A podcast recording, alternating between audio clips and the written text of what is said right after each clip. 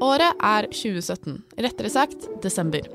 Se for deg at det er en litt sen onsdagsmorgen. Du har akkurat stått opp og gått ned på kjøkkenet for å sette over kaffen. Mens du venter på at den skal koke, slår du på radioen på NRK P1.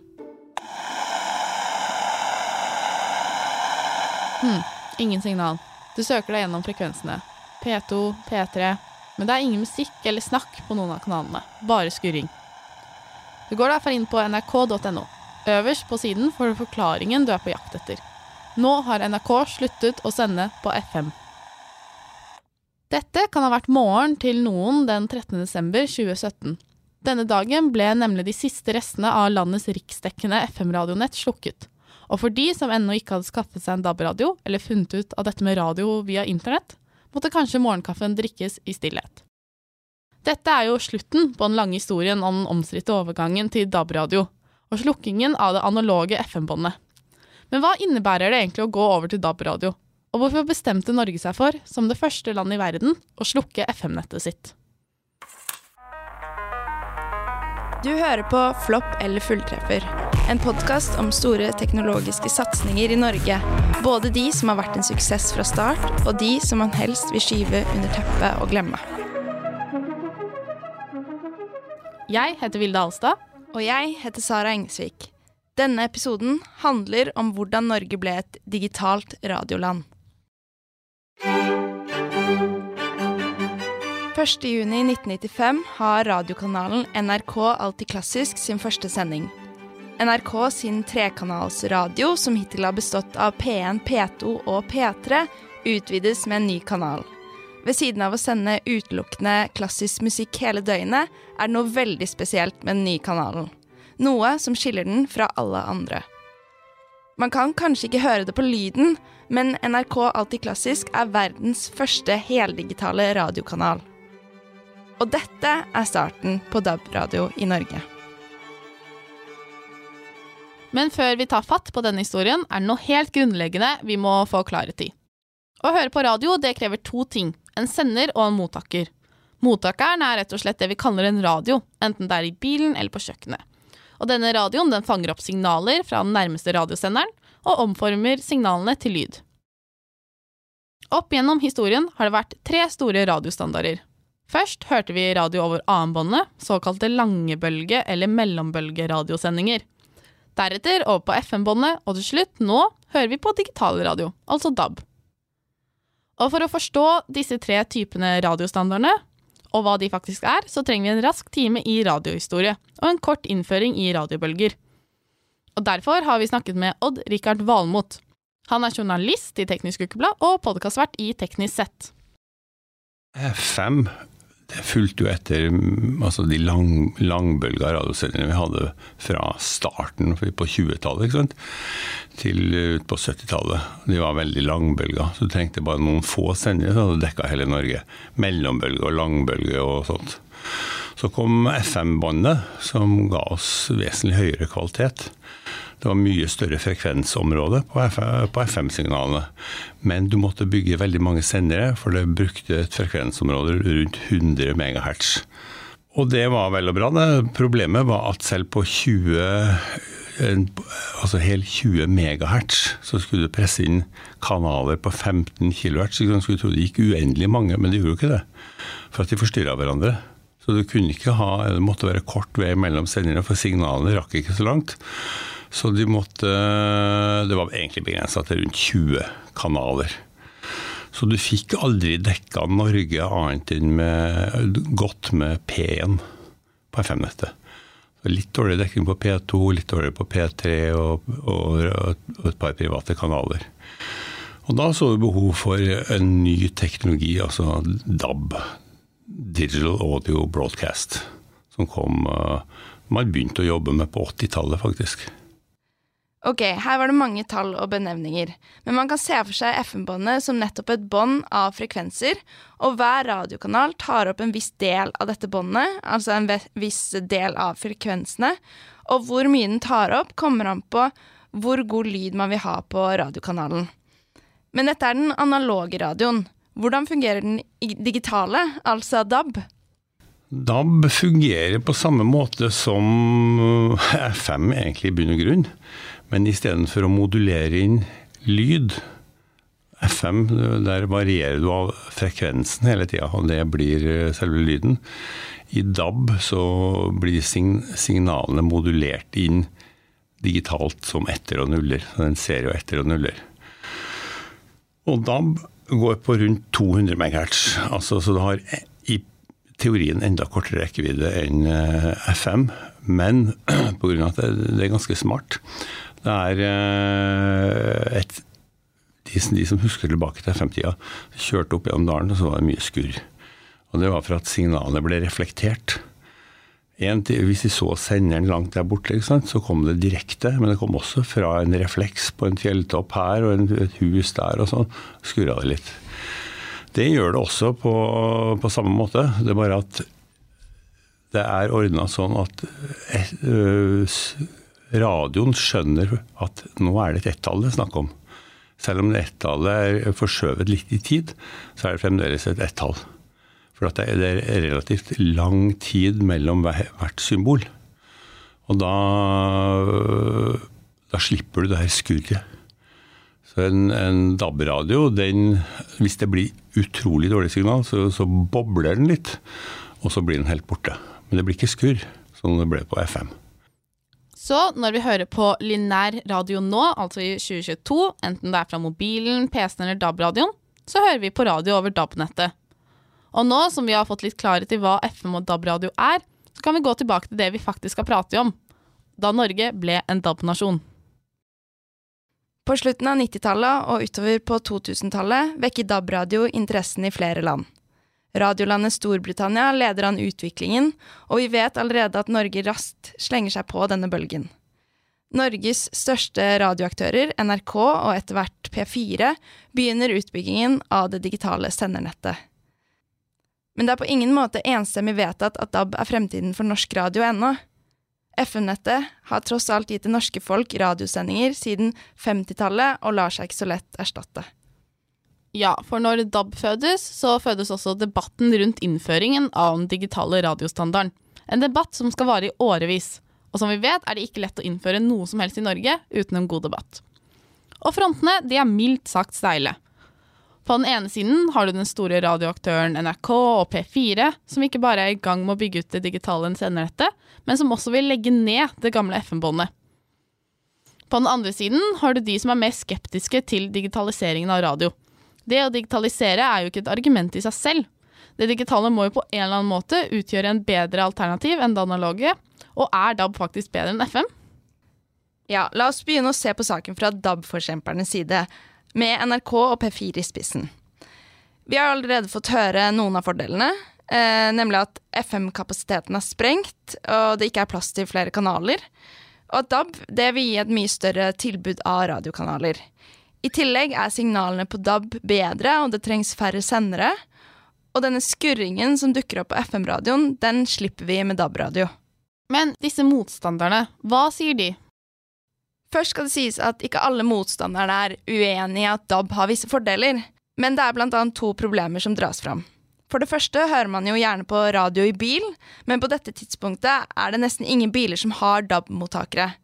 Og for det andre er det rett og slett veldig dyrt å kjøpe en DAB-radio, fordi etterspørselen etter DAB-radioer ikke er så stor ennå.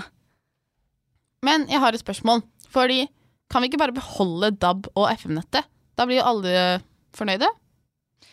Ja, i utgangspunktet så er det jo mulig å ha et fullt utbygd sendernett både for DAB og FM, men problemet er at det blir fort veldig dyrt. Så hvis vi lytter til Odd Rikard igjen, så setter du faktisk fingeren på kanskje det største argumentet for å bytte ut FM-nettet.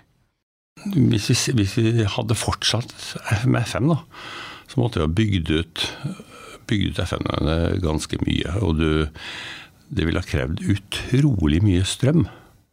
Altså, FM-nettet var et strømsluk.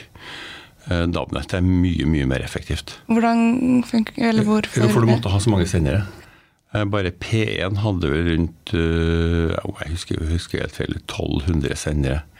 Nå skal det sies at uh, NRK sin DAB-blokk begynner å nærme seg 1200 sendere også.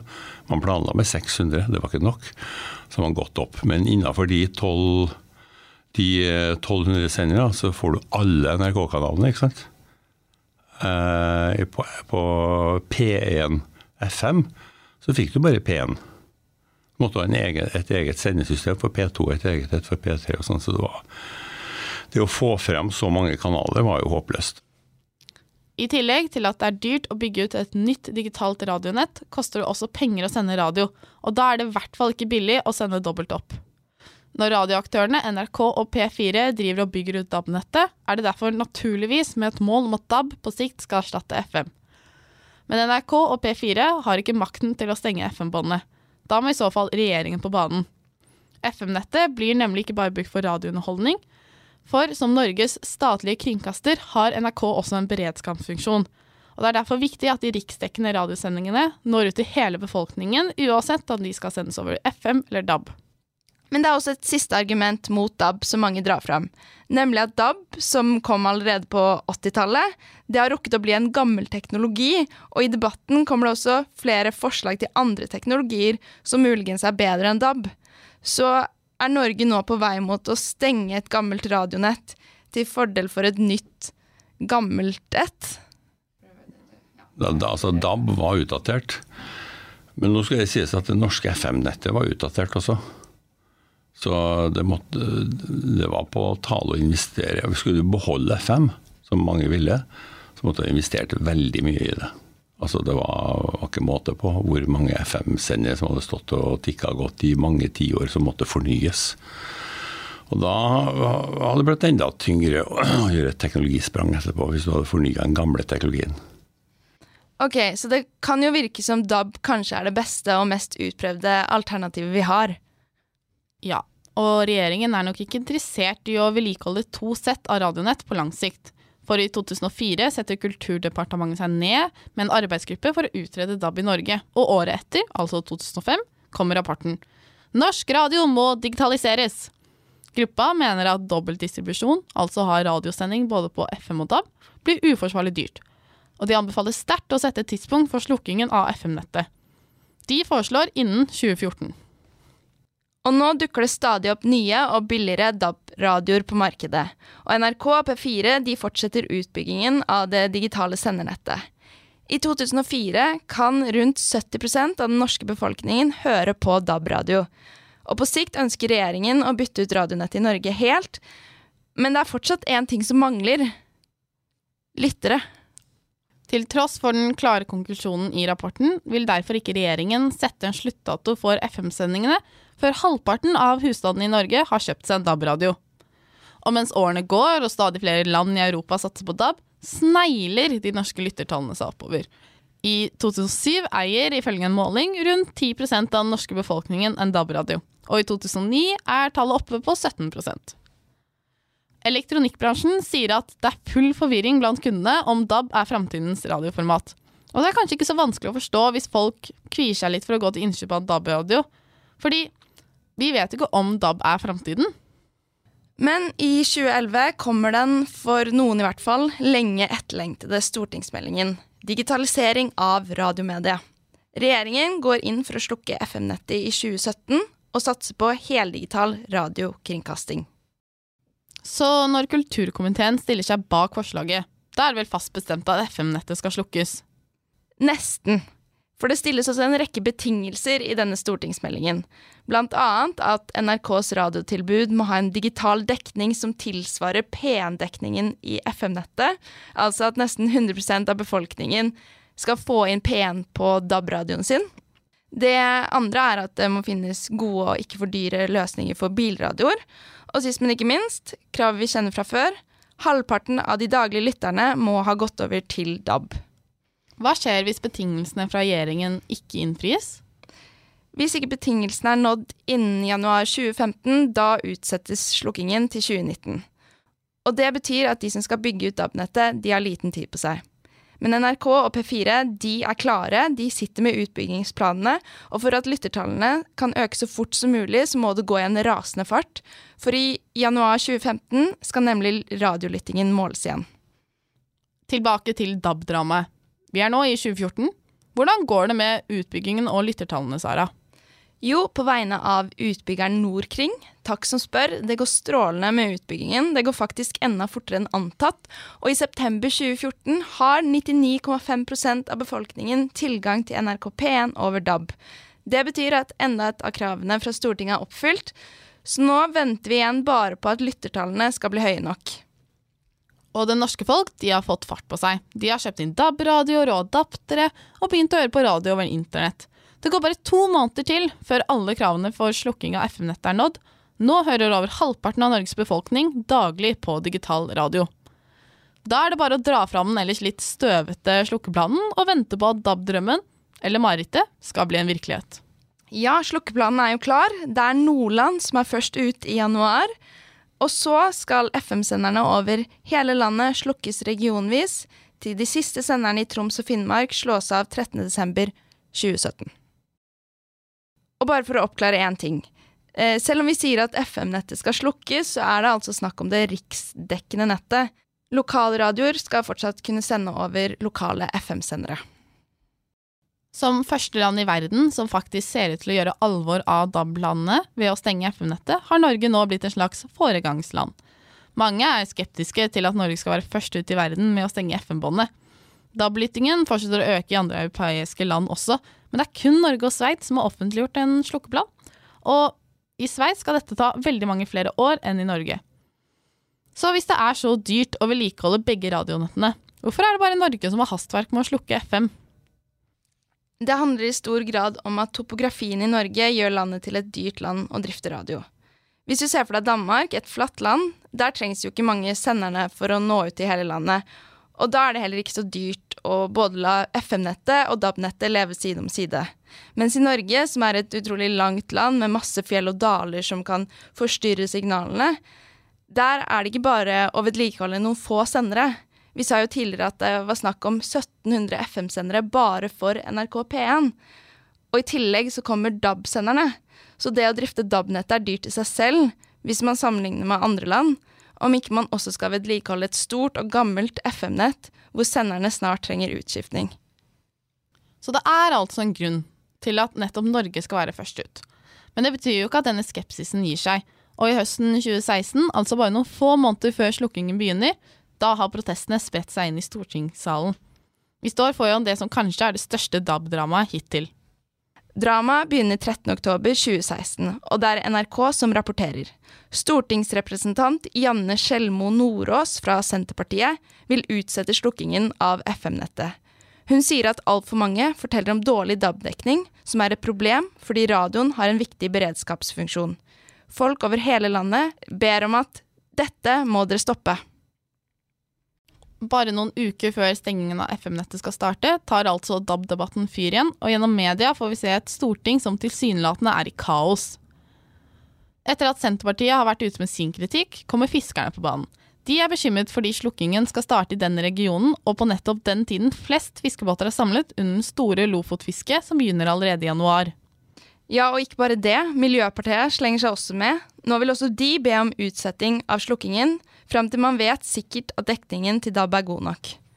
Men det er først og fremst ett parti som vekker oppmerksomhet med sin motstand, Fremskrittspartiet. De mener at Senterpartiet ikke går langt nok, fordi Frp vil fremme et forslag om å stoppe hele slukkingen av FM-nettet. Det er kanskje ikke så overraskende i seg selv, i og med at de tidligere også har vært skeptiske til DAB, men det var før de selv var en del av regjeringen som fremmer selve slukkingen. Og hva er grunnen til at eh, Fremskrittspartiet er så imot dette? Eh, det er jo de samme grunnene som de andre har. Det er dekningen, og at de er redde for at beredskapen ikke er godt nok ivaretatt med DAB-nettet. Og 6.12 er den store dagen hvor Stortinget skal behandle saken og bestemme om slukkingen skal utsettes eller til og med stanses. Men når dagen kommer, så fremmer heller Arbeiderpartiet et forslag om å utsette behandlingen av saken. Arbeiderpartiet mener at Fremskrittspartiet sitt forslag, som kommer én måned før slukkingen begynner, har skapt usikkerhet rundt om regjeringen faktisk står bak sin egen politikk. Derfor mener Arbeiderpartiet at statsrådene med ansvar for beredskap, fiskeri og samferdsel må forklare seg nærmere, før Stortinget skal ta et valg i saken. Alle disse tre statsrådene er nettopp fra Frp. Deres regjeringspartner Høyre mener at alle opplysningene i saken allerede er kjent. Så betyr det at Frp sitter på informasjon de ikke deler? Det vil i hvert fall Ap finne ut av. Ja, og dagen etter, altså 7. desember, så trapper de tre statsrådene fra Frp opp på talerstolen. Og hva sier de? Har de noe nytt å fortelle? Nei, egentlig ikke. Justis- og beredskapsminister Anders Anundsen fra Frp han viser til en fersk rapport om at dekningen er god, nettet er teknisk mer robust til FM-nettet, og at hensynet til beredskap ved overgang fra FM til DAB er ivaretatt. Det er selvfølgelig ennå noen usikkerhetsmomenter, men de er sannsynligvis små. Ok, så det, hele dette dramaet var bare tull? Ja, det virker litt sånn, for debatten i media avslører nok litt at dette har vært et politisk spill. Arbeiderpartiet har kanskje ikke vært så utrygge som de ga uttrykk for, men heller interessert i å sette søkelys mot FrPs håndtering av saken. Og når Stortinget faktisk skal ta et valg, er det bare Frp som stemmer mot FM-slukkingen. Og med det kan endelig slukkingen begynne. FM-senderne blir montert ned, og de nyeste blir faktisk sendt til Malawi for å utvide et FM-nett rettet mot barn og unge. Så selv om debatten ikke stilner helt, så har i hvert fall valget blitt tatt. DAB blir Norges eneste radionett fra og med 2017. Men én ting har jo forandret seg siden den gang. DAB-debatten gikk jo sin gang på en tid hvor strømming av radioprogrammer og podkaster ennå ikke hadde tatt helt av, og det har jo blitt mye vanligere. Nå hører vi mye mer på allerede innspilte programmer og podkaster over Wifi eller mobilnettet, og i motsetning til DAB-radioen, som er direkte eller lineær, så lar det oss både stoppe og spole i programmene. Så kunne vi ikke bare venta litt, og så kanskje heller latt strømming ta over for radio? Det var noen som tok til orde for det, men uh, NRK har en forpliktelse til å levere uh, innholdet sitt gratis frem til brukerne. Og da måtte de presse seg gjennom et, uh, et betalingssystem. For selv om strømminga i så fall var, selv om NRK strømmer gratis, så må du betale for megabitene i megabytene i, um, hos Telia og Telenor og sånt. Ja, Med mindre du er på wifi, da. Men du er ikke på wifi i en bil. Altså, men altså, det, er, det, er, klart at DAB pluss er jo den siste radiostandarden. Selv om du kunne godt tenke deg i dag å utvikle noe som var mye bedre. Men uh, strømming kommer til å overta. Strømming, altså I mange andre land så er jo strømming veldig billig. Norge er dyrt uh, enda. Uh, det har mangla litt konkurranse her, og så kommer uh, så må vi bygge så utrolig kostbare nett. ikke sant? Det å vedlikeholde Telenor har begynt å nærme seg 9000 basestasjoner. Det, det, er dyrt, altså. Til tross for at det til tider kunne se ut som DAB-drømmen kunne ende i en flopp, så kan man vel si at det ikke ble sånn. Men om det er en innertier, en suksesshistorie, en fulltreffer, det er litt verre å si. Ja, det er kanskje litt feigt, men skal vi bare la det være opp til hver og enkelt eh, radiolytter å avgjøre om dette er en flopp eller fulltreffer? Flopp eller fulltreffer er en podkast produsert av Teknisk Ukeblad Media. Intervjuet var med Odd-Rikard Valmot, journalist i Teknisk Ukeblad. Medvirkende til denne episoden var Sebastian Hagemo, Sara Engesvik og meg, Vilde Alstad.